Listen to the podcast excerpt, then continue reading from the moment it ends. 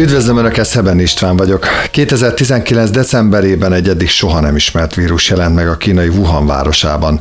Napról napra egyre többen betegedtek meg az akkor már COVID-19 néven ismert fertőzéssel. 2020. március 11-én az egészségügyi világszervezet, a WHO hivatalosan is világjárványán nyilvánította a megbetegedéseket.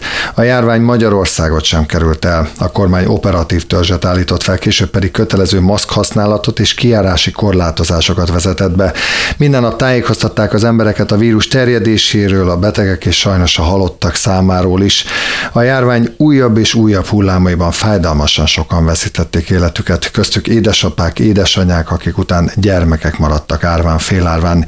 Értük jött létre 2021-ben a Regőc István Alapítvány, de hogy hogyan lehet segíteni a Covid árvákon, erről már dr. Herceg Anita beszél nekünk, a kuratórium elnöke kezét sokan. Köszönöm, hogy eltetszett jönni. Jó napot kívánok, köszönöm Még... a meghívást. Az Még mielőtt elkezdenénk erről a témáról beszélgetni, egy nem kevésbé másik komoly helyszínről tetszett éppen jönni, hogyha erről tetszene nekem egy kicsit mesélni. Igen, ez egy új elem az életemben, hiszen az elnöki feladatok megszűnte után, vagy First Lady feladatok, ugye a férjem elnöki feladatai és az én feleségi hivatalos feladataim megszűnése után kicsit több időnk maradt, és szerettük volna mind a ketten értelmes feladatokkal föltölteni a napunkat. Ennek egy része az, hogy már korábban gondolkodtam azon, hogy hospice osztályon vagy hospice-ban önkéntes munkát szeretnék csinálni, és ezt kezdtem el. Most már jó pár hónapja, több mint fél éve csinálom, és igen, ez úgy kezdődött nálam, hogy amikor egy barátnőm kapcsán aki tíz éve már hospizban önkéntes, beszélgettem erről vele, akkor úgy éreztem, hogy bármilyen önkéntes munka nekem való, de ez az, ami nem. És aztán, ahogy ő is beszélgetett a munkájáról, voltam elnökfeleségként is hospice osztályon, több hospice intézményben is, gyerekhospice intézményben is látogatóban, um, akkor fokozatosan eljutottam odáig, hogy hát miért ne, hát persze, hogy ezt is tudnám csinálni, hát más is tudja, nekem is menne. És amikor egyszerű arról beszélt ez a barátnőm, hogy de annyi örömöt ad, akkor ez nagyon meglepett, hogy jó, hát lehet ezt csinálni, mert az ember segíteni akar, de hogy ez örömöt is tud adni. Én, azt már, most nekem is kikerekedett a szemem. Azt már végképp nem tudtam elhinni, és aztán Mindegy, elhatároztam, hogy hetente, heti egy napon rendszeresen önkéntes munkát vállalok, és valóban, tehát valóban tud örömöt adni, akár az, hogy csak egy picit szebbé tettem azt a napját a betegeknek, vagy valamelyik betegnek, akár az, hogy hasznosan segíteni tudom, és könnyíteni tudom a nővérek munkáját, az, hogy hálásan megköszöni a beszélgetést, vagy csak visszaszorítja a kezemet a beteg, és és nagyon sokféleképpen tudjuk szebbé tenni az utolsó napjaikat. Úgyhogy örülök, hogy eljutottam idáig ezen a hosszú folyamat után. Ilyenkor azért az első alkalom gondolom meghökkentő, megrendítő, nem volt egy pillanatig olyan érzés, amikor kijött esetleg az osztályról, hogy ide nem jövök vissza többet, vagy inkább az volt, hogy bármilyen furcsán is hangzik, azért valahol lélekemelő, mert azért hát születünk, elmegyünk. Hát ahogy említettem, azért több látogatásom volt, az tényleg csak látogatás volt a hospice osztályon, ahol bemutatták a munkát. Igen, de az más, amikor meghívtak. hivatalos látogatásként Igen, megy oda, teljesen... mint a köztársasági elnök feleség, az egy más Igen, helyzet más. Az. Igen. És más egyszer elmenni, és más heti rendszerességgel elmenni, és látni, hogy az a néni, akivel az első héten hosszasan elbeszélgettem, a következő héten már sokkal gyengébb és már nem tud egyedül enni, és segíteni kell enni, vagy etetni. A harmadik héten már, már nem is tud kommunikálni, csak esetleg a kezemet szorítja meg, és ezt a folyamatot azért közelről látni nyilván sokkal nehezebb, mint egy egyszeri látogatásnál a pillanatot megtapasztalni. Olyan érzésem nem volt, hogy ide nem jövök többet. Vannak azért nehéz napok, nehéz helyzetek, de de ennek ellenére is úgy gondolom, hogy ez jó döntés. Csak még egy fél mondat e, e, e kapcsán, hogy egyébként, hogyha valaki azt mondja, hogy szeretne elmenni így egy hospice osztályra, ugyanígy magánemberként, akkor ezt egyébként hogy teheti meg, vagy, vagy kit kell keresni, vagy hogy vagy említettön a barátnőjét, tehát hogy ez, ez hogyan működik egyébként? Az interneten utána lehet érdeklődni, uh-huh el kell végezni egy önkéntes tanfolyamot, hiszen, hiszen meg kell tanulnunk azt, hogy miről, hogyan lehet kommunikálni, akár a beteggel, akár a hozzátartozóval.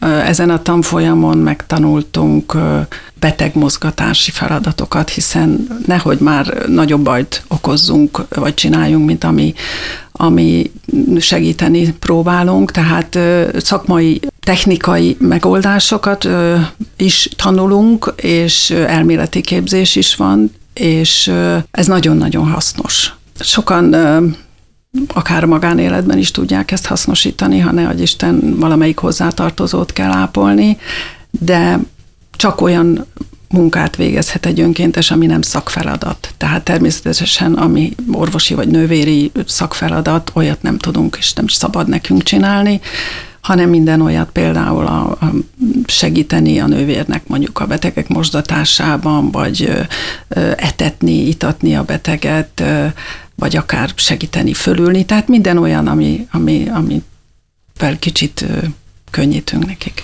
Hadd hozzak egy személyes példát, ugye váltsunk témát, beszélgessünk majd az alapítványról, a Regőci alapítványról. Amikor én tényeket vezettem, és először bejött a járvány, ugye először hallottunk róla, akkor úgy néztünk egymást, hogy úristen, ez most komoly, ilyen biztos csak a filmekben van, amikor az első képek jöttek, át ez nem le, ez biztos csak most, jó, most felfújják, jó, persze, mi elmondjuk, átvesszük, és aztán ugye egyre jobban mentünk bele, és egyre komolyabban kellett venni, aztán ugye kiderült, hogy világjárványról beszélünk. Áder János elnök úr akkor még ugye regnáló elnök volt, ott ültek, és mikor először hallottak erről, akkor, akkor, akkor mi, mit gondoltak, hogy ugyanazt, amit mi, vagy, vagy nyugtasson meg, hogy ugyanazt, amit mi, vagy, vagy ez hogyan zajlott le egyébként így a politikai életben?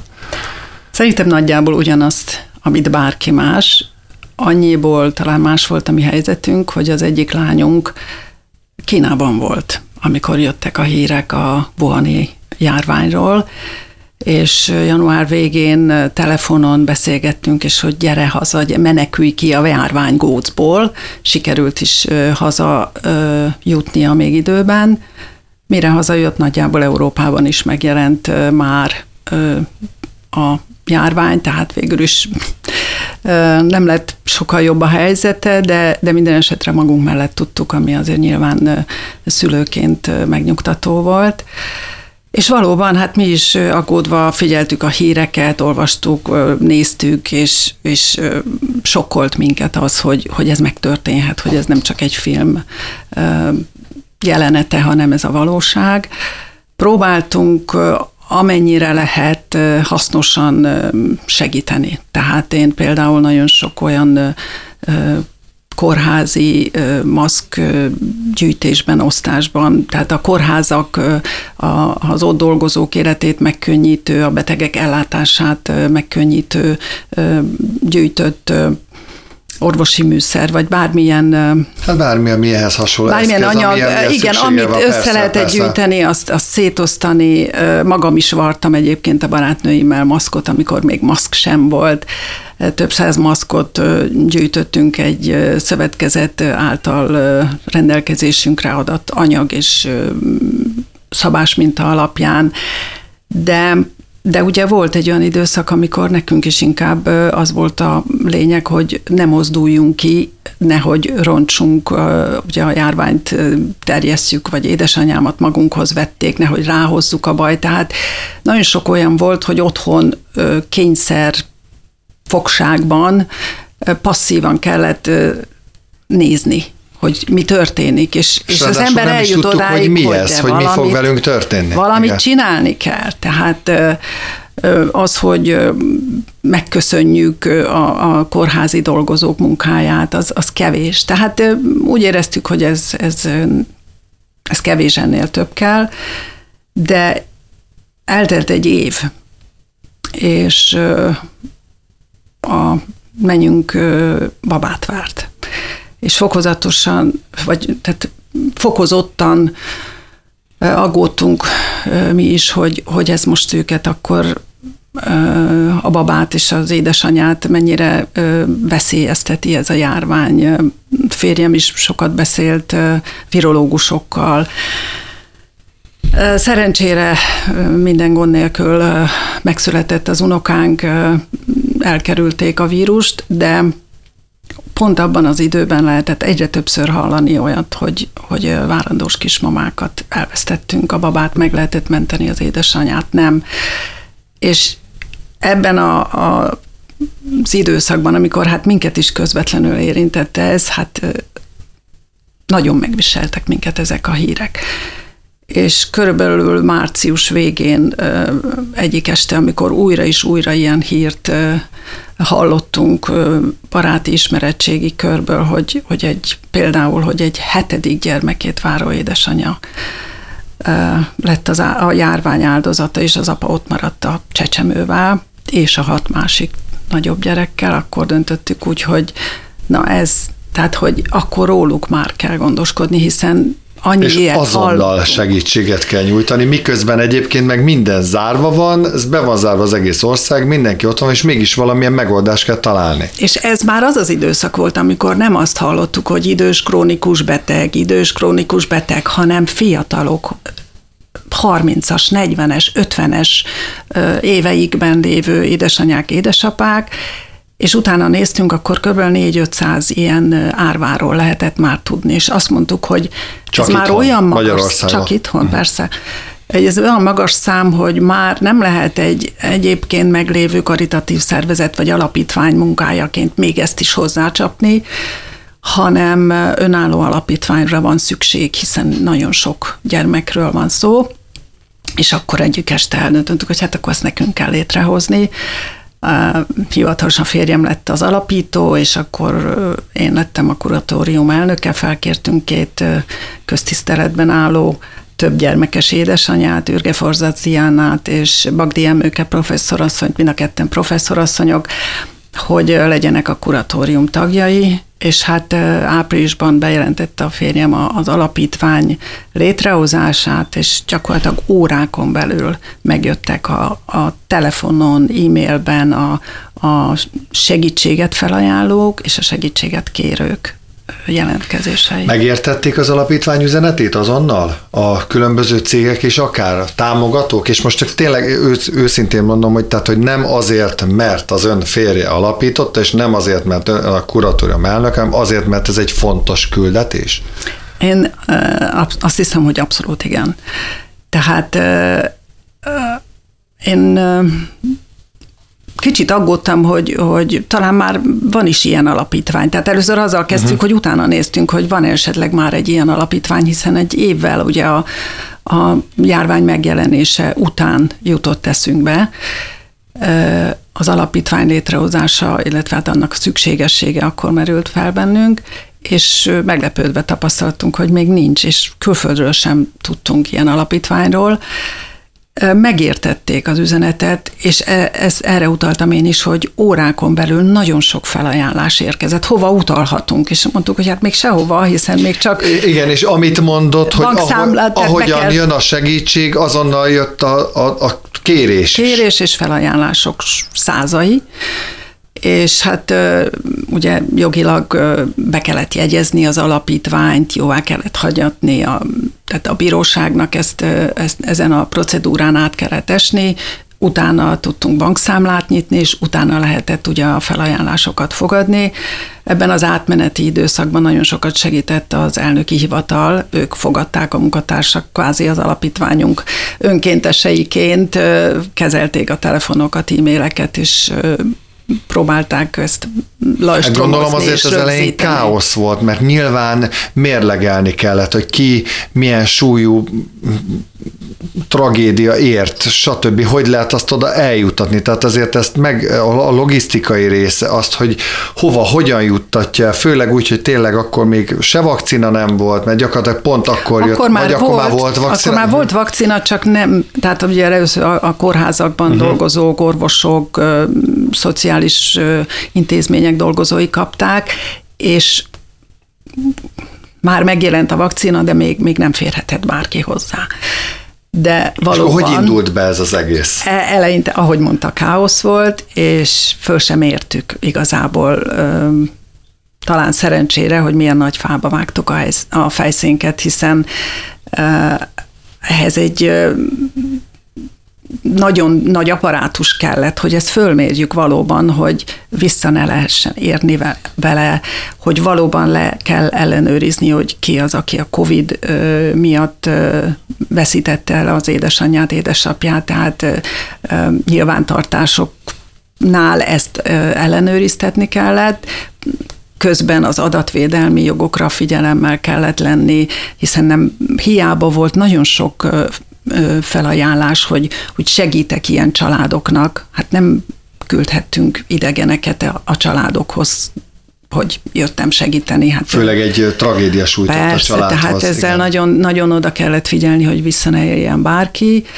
de úgy szép lassan azért uh, sikerült purrá lennünk a káoszon, és, és ezt a nyilvántartást összeállítani, majd az elnöki uh, feladatok uh, megszüntével, nyilván le kellett válni az elnöki hivatal segítségéről, létrehoztunk egy ilyen három-négy fős apparátust, nem akarunk sokkal nagyobbat, hiszen ami pénzt összegyűjtünk, nem akartuk a működésre Világos, fordítani, igen, igen, igen. Hanem, hanem hogy minden filér jusson el a gyerekekhez. Hogyan lehetett segíteni? Mert azt is borzasztó nehéz lehetett összerakni, hogy ezeknek a gyerekeknek nem feltétlen, tehát itt, itt nem arról van szó, hogy két kiló cukor kellett, meg nem tudom, két kiló liszt, hanem itt alapvetően ezek a gyerekek a szüleiket veszítették el. Tehát nem feltétlen, lehet, hogy csak egy, egy nem tudom, egy simogatás, vagy egy ölelés is segít, de azt pedig pénzben nem mérhető, de valahogy ezt is biztosítani kell. Szóval nem tudom, ez, ez nagyon bonyolult, ez, ez lelkileg is nagyon nehéz folyamat lehet. Az egyik legfontosabb tanulság az, hogy ahány család, annyiféle probléma. Az első közös azért valóban az, hogy az első időben egy pénzbeli gyors segély uh-huh. volt szinte mindenhol a legfontosabb. Például azért, mert elhunyt az egyik szülő, a hagyatéki eljárás végéig zárolták a bankszámlát, nem tudott utalni. És mondjuk ő a család A temetési költség. Igen. A, elhunyt a, az édesapa, az édesanyja otthon volt a gyerekekkel, nincs bevétel. Tehát az első időszakban biztos, hogy egy, egy pénzbeli segélyre volt szükség, ezt De is ilyenkor, utaltuk. Igen, és például ilyenkor akár a nagyságrendekről nem tudom, lehet beszélni, nem tudom, hogy mondjuk egy egyszerű gyorsegély 50, 100 ezer, 30, tehát hogy ezt hogyan lehet meghatározni, hiszen mondjuk egy havi rezsie, egy, ahol mondjuk a családfenntartó mondjuk anyuka vagy apuka, az most ilyen szempontból mindegy meghal, azért mondjuk havi 100 forint egy átlagos háztartásnak mondjuk a rezsie, akkor mondjuk az kiesik. Vagy ez hogyan, vagy meddig lehet ezt tehát folyósítani? Évben, vagy... Tehát a megalakulás, megalakulás évében, 21-ben uh-huh. több százezer forint gyors segélyt utaltunk a családoknak, de természetesen figyelembe vettük a család nagyságát. Persze. Tehát egy, egy gyermekes család nyilván kevesebbet kapott, mint egy 6-7 gyermekes, tehát mindig törekszünk az igazságosságra, amennyire lehet, lehet. amennyire mm. tőlünk telik, és próbálunk, próbáltunk akkortól már felmérni a családok anyagi helyzetét, amit igazolni tudnak például a fizetést, a bevételeket, a tanulói jogviszonyt, ezt mindent igazoltatunk, de természetesen nem túl bürokratizálva, tehát ki kell tölteniük hát egy nyomtatványt, de, de ahhoz, hogy megy, igazságosak lehessünk, uh-huh. ahhoz erre kénytelenek vagyunk. Viszont amint felmértük a család helyzetét, onnantól kezdve megállapítjuk a havi rendszeres segély mértékét, onnantól kezdve nem kell igazolniuk, hogy mire költik, mert azt ők tudják, hogy a iskolakezdésre, vagy tornacipőre, vagy igen. nyelviskorára, vagy kazáncserére, teljesen mindegy. Tehát ha, havi rendszeres támogatást ítélünk meg anyagi helyzettől, létszámtól függően. Minden gyerek, aki COVID árva is nálunk jelentkezik, kap évente háromszor tanévkezdéskor egy iskola kezdési összeget, karácsonykor egy kvázi karácsonyi ajándékot, és a nyári szünet előtt egy táborozási hozzájárulást, ezt minden gyerek kapja, a havi rendszeres támogatást meg azt rászorultság mértékétől függően, de ezt kiegészíti az, hogyha valamelyik családnak rendkívüli probléma merül föl, volt ilyen többször is, akkor indokolva kérelemmel fordul hozzánk, és kiegészítő támogatást tudunk adni, tényleg ilyen rendkívüli helyzetben. Például volt olyan, hogy a, a ház sarka meg zuhant, tehát hogy SOS. Fütyül a szél a nyilázáró, hát Segélyre azt... volt szükség, hogy a házat rendbe tegyék, vagy kazáncsere, vagy, vagy például nyelvvizsgára készültek két gyermek is, és hát ez egy rendkívüli kiadást jelentett, amit mi tudtunk folyosítani, tehát próbáljuk az igényekhez igazítani az anyagi segítséget. Tehát a családok helyzetéhez, létszámához, felmerült problémákhoz. Tehát nem szeretnénk, sose a kezdettől fogva nem akartunk azzal megelégedni, hogy utalunk havi segélyt, és legyen az elég. Próbálunk egy jó értelemben vett törődést nyújtani a családoknak, amit ugye az elhunyt szülő hiánya. Pot, igen, igen, nyilván igen, az nem pótolható, nehéz, közel sem. De egy odafigyelés, egy törődés, amin például azt értem, hogy nem csak pénzben is segítséget szeretnénk a családoknak adni, hanem szervezünk nyári táborozási lehetőséget, kulturális élményeket, sport, élő sport rendezvényeken való részvételt, például az atlétikai VB-re is el tudtunk nagyon sok gyereket, illetve családtagot juttatni. Ezek fontos tehát dolgok. Ezek ez... szinte Igen. ugyanolyan fontosak. Tehát Igen. az édesanyának, édesapának az anyagi segítség talán fontosabb. Igen, ezért kérdeztem azt, hogy a gyermeknek nem feltétlen az kell, hogy most van-e otthon cukor vagy, vagy liszt, hanem neki az a fontos az élmény egy gyereknek, hogy ott együtt lehet többi gyerek, hogy tábor táborozni tud menni, amit említett, vagy például egy életre szóló élményt kapott, mondjuk akár tényleg az atlétikai VB Az egész kapcsán. biztos vagyok benne, de például tavaly karácsony előtt az Operaház felajánlásából a diótörő nyilvános főpróbájára 200 helyet biztosított nekünk Aztán. az Operaház jelképes összegér, és volt olyan édesanyja, aki könnyes szemmel köszönte meg, hogy nem a gyerekének, hanem az ő gyerekkori élményét valósítottuk meg ezzel, hogy eljuthatott a diótörőre. A csodálatos előadás volt egyébként. Szóval ezek az élmények én nagyon hiszek abba, hogy ahhoz, hogy ezek az árvák egészséges lelkülettel ezt a tragédiát valahogy túléljék, átvészeljék, ezek is nagyon fontosak lelkileg valamiféle segít lehet nyújtani, akár nem tudom, pszichológusok kell által. Is, kell Igen, is. és így erre céloztam, hogy tudnak esetleg valaki valamilyen szervezettel megállapodni, hogy ők is támogassák a Covid árvákat?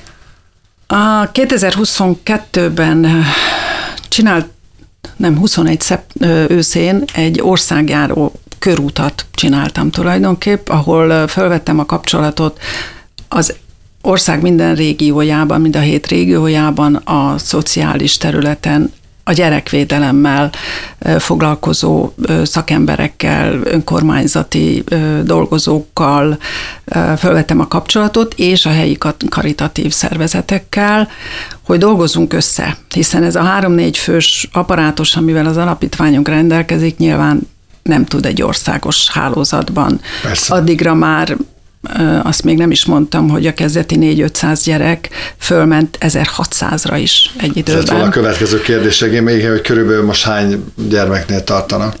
Hát volt tavaly év végén 1600 körül, ez most elkezdett csökkenni, majd kitérek rá, hogy miért, de lényeg az, hogy ez az országos körút azért kellett, hogy együttműködjünk a karitatív szervezetekkel, a helyi gyermekvédelmi szakemberekkel, hogy egyrészt tapasztaltuk azt, hogy nem mindenki tud az alapítvány létezéséről, tehát hívják fel a figyelmet, ha az ő látókörükbe kerül egy ilyen család, hívják fel a figyelmüket, segítsenek akár hozzánk eljutni, a mi figyelmünket akár ők hívják fel rájuk, tehát egy együttműködésre van szükség, és ennek a körútnak a kapcsán nagyon sok családot személyesen is fölkerestem, egészen más az otthonukba eljutva beszélgetve velük felmérni, hogy mire van szükségük a gyerekeknek. Példaként annyit mondok, hogy volt két hat éves gyermek, egy hat éves kislány és egy hat éves kisfiú, akik teljesen árvák. És a nagyszülők lettek a gyámok. így kimondva két egyforma történet. És elmentem mind a két családhoz, és egészen más. A kislány egy azon napon veszítette el anyját, apját Covid-ban. A nagyszülők nevelik, de azt lehet mondani, hogy, hogy egy anyagi problémák nélkül, tehát két családi ház volt, az egyik családi ház Mert ugye eladják, és eladják, a befektetik, amíg felnő, addig 60-as tudják, korosztályú igen, nagyszülők, igen. tehát nagy valószínűséggel föl tudják úgy nevelni ezt a kislányt, hogy útjára hát indítják. sok az, ami... Így van, hát ezt, azt, azt nehéz lehet vagy szinte felfoghatatlan, hogy ezt hogy lehetett elmesélni, vagy elmondani a kislánynak. De a kisfiú, aki szintén hat évesen az édesanyját vesztette el a Covid-ban, viszont az édesanyja soha életben nem vett róla tudomást, annak ellenére, hogy tudta, hogy az édesanyja meghalt Covid-ban, az apa a testvére Facebook üzenetben részvételt nyilvánított, és ennyi volt az összes. Ott viszont 70-nél idősebb nagyszülők vannak, nagyon-nagyon nehéz anyagi körülmények között, szinte a lakhatás is ö, problémás, és ö, nagyon nagy anyagi ráfordítást igényel, hogy egyáltalán ezt a kisfiút ö, jó körülmények között, vagy, vagy biztonságos körülmények között nevelni tudják, nagyon nagy ö, fokú támogatásra szorulnak. Tehát nagyon fontosnak tartottam, hogy amennyire lehet személyes kapcsolatba kerüljek a családokkal, mert, mert egészen más úgy segíteni nekik, dönteni a segítség mértékéről vagy módjáról, ha személyesen ismerjük őket, mint hogyha csak egy adatlapot látok magam előtt. Úgyhogy ezt próbálom folyamatosan a személyes kapcsolatot, nyilván nem az összes gyerekkel, de aki nyitott rá, vagy akikkel mondjuk a táborok, kulturális sport programok kapcsán személyesen találkozom, akkor beszélgethessek velük. Visszatérve, most ebben az évben 1350-60 körül van a támogatottjaink száma, hiszen nagyon sokan középiskolát befejezték, vagy az egyetemi tanulmányaikat befejezték, tehát elkezdtek dolgozni. Tehát két-három év elteltével szerencsére eljutottunk odáig, hogy most már csökken a Covid árvák száma, támogatottjaink száma, bár a mai napig vannak új jelentkezők is. Most is van a kuratórium előtt néhány kérelem, amelyik elbírálásra vár, és döbbenetes, de három 2022-ben született Covid árva is van és a legmagasabb szám az ilyen 1600 körül volt, és nagyjából a 10%-uk az 6 éves, vagy annál fiatalabb volt, amikor elárult. Utólag, tehát ez azt jelenti, ez hogy azt, még...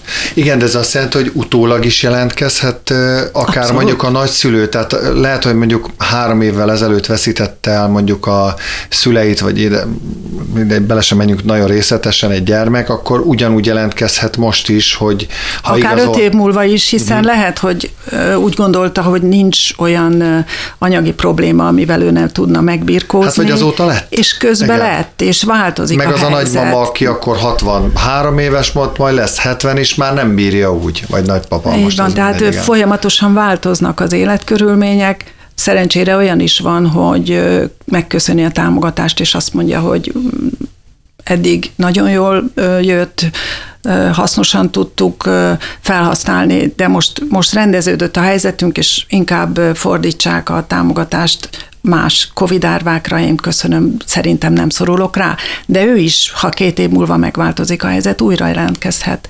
Tehát uh, nyitva áll uh, a lehetőség későbbiekben is, igen, és most is még, még vannak Gyakorlatilag akkor addig támogatják a gyermekeket, amíg a nappali tagozat, Így van. tehát hogy tehát nem, tizen, fel, nem feltétlen nem, 18 éves korig, hanem nem, mondjuk akár nem. az egyetemi tanulmánya, vagy főiskolai tanulmánya. Szakma vagy a, a diploma megszerzésig. Tehát ahogy én helyesnek tartom, hogy egy szülő támogatja a gyerekét, amíg mondjuk leérettségizik, vagy nappalin diplomát szerez, addig igazán segíteni kell őket, hiszen nem fogadható el, hogy egy gyerek azért ne kerülhessen egyetemre, mert képtelen előket keríteni a kollégium, vagy a, a szállásdíját, vagy a, persze, a költségeket, költségeket persze, tehát persze. ezt nem.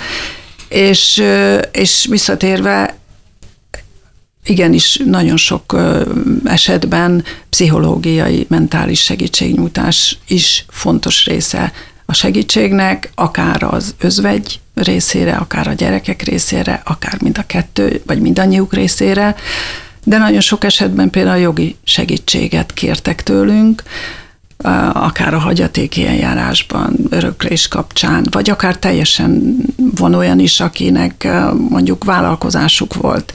Az édesapa törődött a vállalkozás ügyeivel, ott az összvegy, és, akkor ott és képtelen és átlátni, tudják, megoldani. Igen. Tehát szerencsére nagyon sok olyan felajánlás van, aki nem csak pénzt ajánl föl, hanem mondjuk a szakértelmét, tehát például ügyvédek jelentkeztek, hogy ingyen vállalják a COVID árva gyerekek családjainak jogi problémáinak megoldását.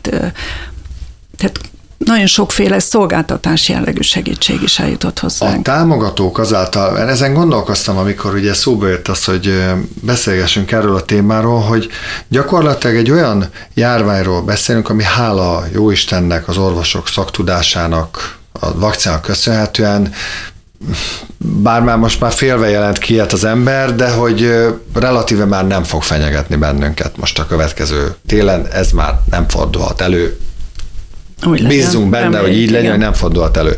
A támogatók nem tűntek el azáltal, hogy, hogy ó, hát de már nincs is Covid járvány, most miről beszélgetünk, akkor újra el kell nekik mondani, hogy de attól az a gyerek még ugyanúgy elvesztettek két évvel ezelőtt, három évvel ezelőtt az édesapját, édesanyját, vagy ez, vagy ez azért egyszerűbben működik?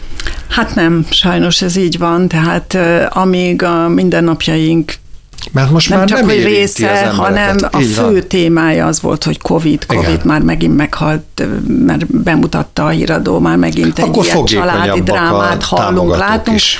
Érezhetően akkor azért nagyobb volt az adakozási kedv. Azóta egy háború van a szomszédunkban, más emberek is rászorulnak a segítségre, tehát nem biztos, hogy az adakozási kedv csökkent, csak inkább talán más a fókusz.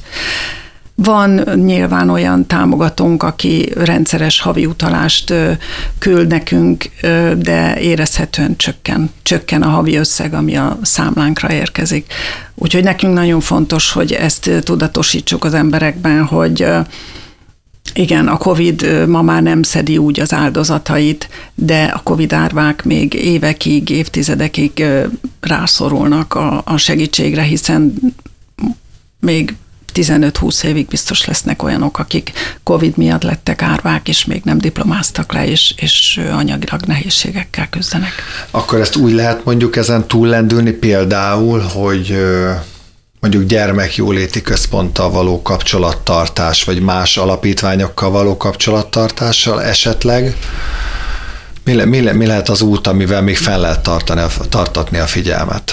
Hát mindenféle fajta megoldást próbálunk alkalmazni, keresünk nagy cégek, célzottan megkeresünk nagy cégeket, hogy legalább néhány évre előre támogassanak minket, hogy mi is tudjunk kalkulálni, hiszen a legnehezebb része a feladatunknak az, hogy kezdetben nem tudtuk, hogy mennyi pénzből, mennyi gyereket, mennyi időn át kell támogatni. Most így kellett beosztanunk azt az összeget, ami a számlánkon volt, nehogy túl sokat, úgy idézőjelbe túl sokat adjak, Nyilván szívem szerint sokat adtam volna a gyereknek, de rosszabb, ha most ebben a hónapban adok nekik sokat, és de utána, utána fél év múlva semmit, Igen. tehát próbálunk hát nagyobb előre segítség, hogy 5-10 évre adjon egy nagyobb És cég, egy stabil, Igen. kiszámítható támogatást, mint ilyen most kaptál, de holnap már nem tudok adni.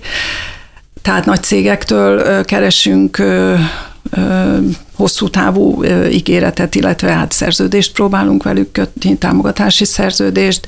Voltak önkormányzatok, akik támogatnak minket, kisebb cégek, vannak szolgáltatás felajánlások, és hát ezek a célzottan megkeresünk kulturális intézményeket, hogy legalább ezeket a jegyeket kedvezményesen megkapjuk, vagy ezek a nyári táborok, amit tudtunk most idén is már több száz gyereknek nyújtani.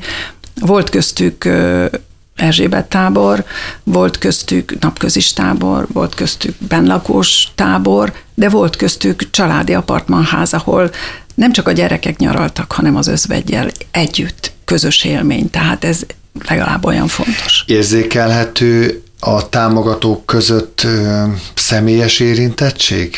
És azért támogató, vagy teljesen változó a támogatóknak a névsora? Hát. Nyilván egy önkormányzat más mondjuk, de hát az önkormányzatban dolgozó, akik erről döntenek, biztos, hogy ott is van valamiféle személyes, azt mondja, hogy hát igen. Hát erről nincs felmérésünk, de azt hiszem, Nem csak amikor hogy... nyilván elmennek tárgyalni, erről beszélgetni, akkor nem szokott ez felmerülni? Én, nem, azt hiszem, hogy mindenki veszítette el valakit. E, ide akartam. Vagy családtagot, vagy egy kollégát, vagy a szomszéd bácsit.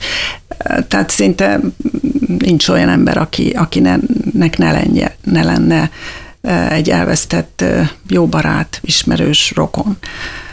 Tehát így, de, de a személyes érintettség helyett inkább szerintem fontosabb az, hogy kinek milyen az attitűdje, hogy, hogy úgy áll hozzá, hogy na, én megúsztam, akkor próbáljam meg behozni a cégem elmaradását, amit a kényszerű COVID miatti passzivitásban kicsit lanyhult az üzlet, vagy azt mondja, hogy, hogy én attól jobban érzem magam, hogy segítek vagy egy családnak, vagy az alapítványon keresztül több családnak.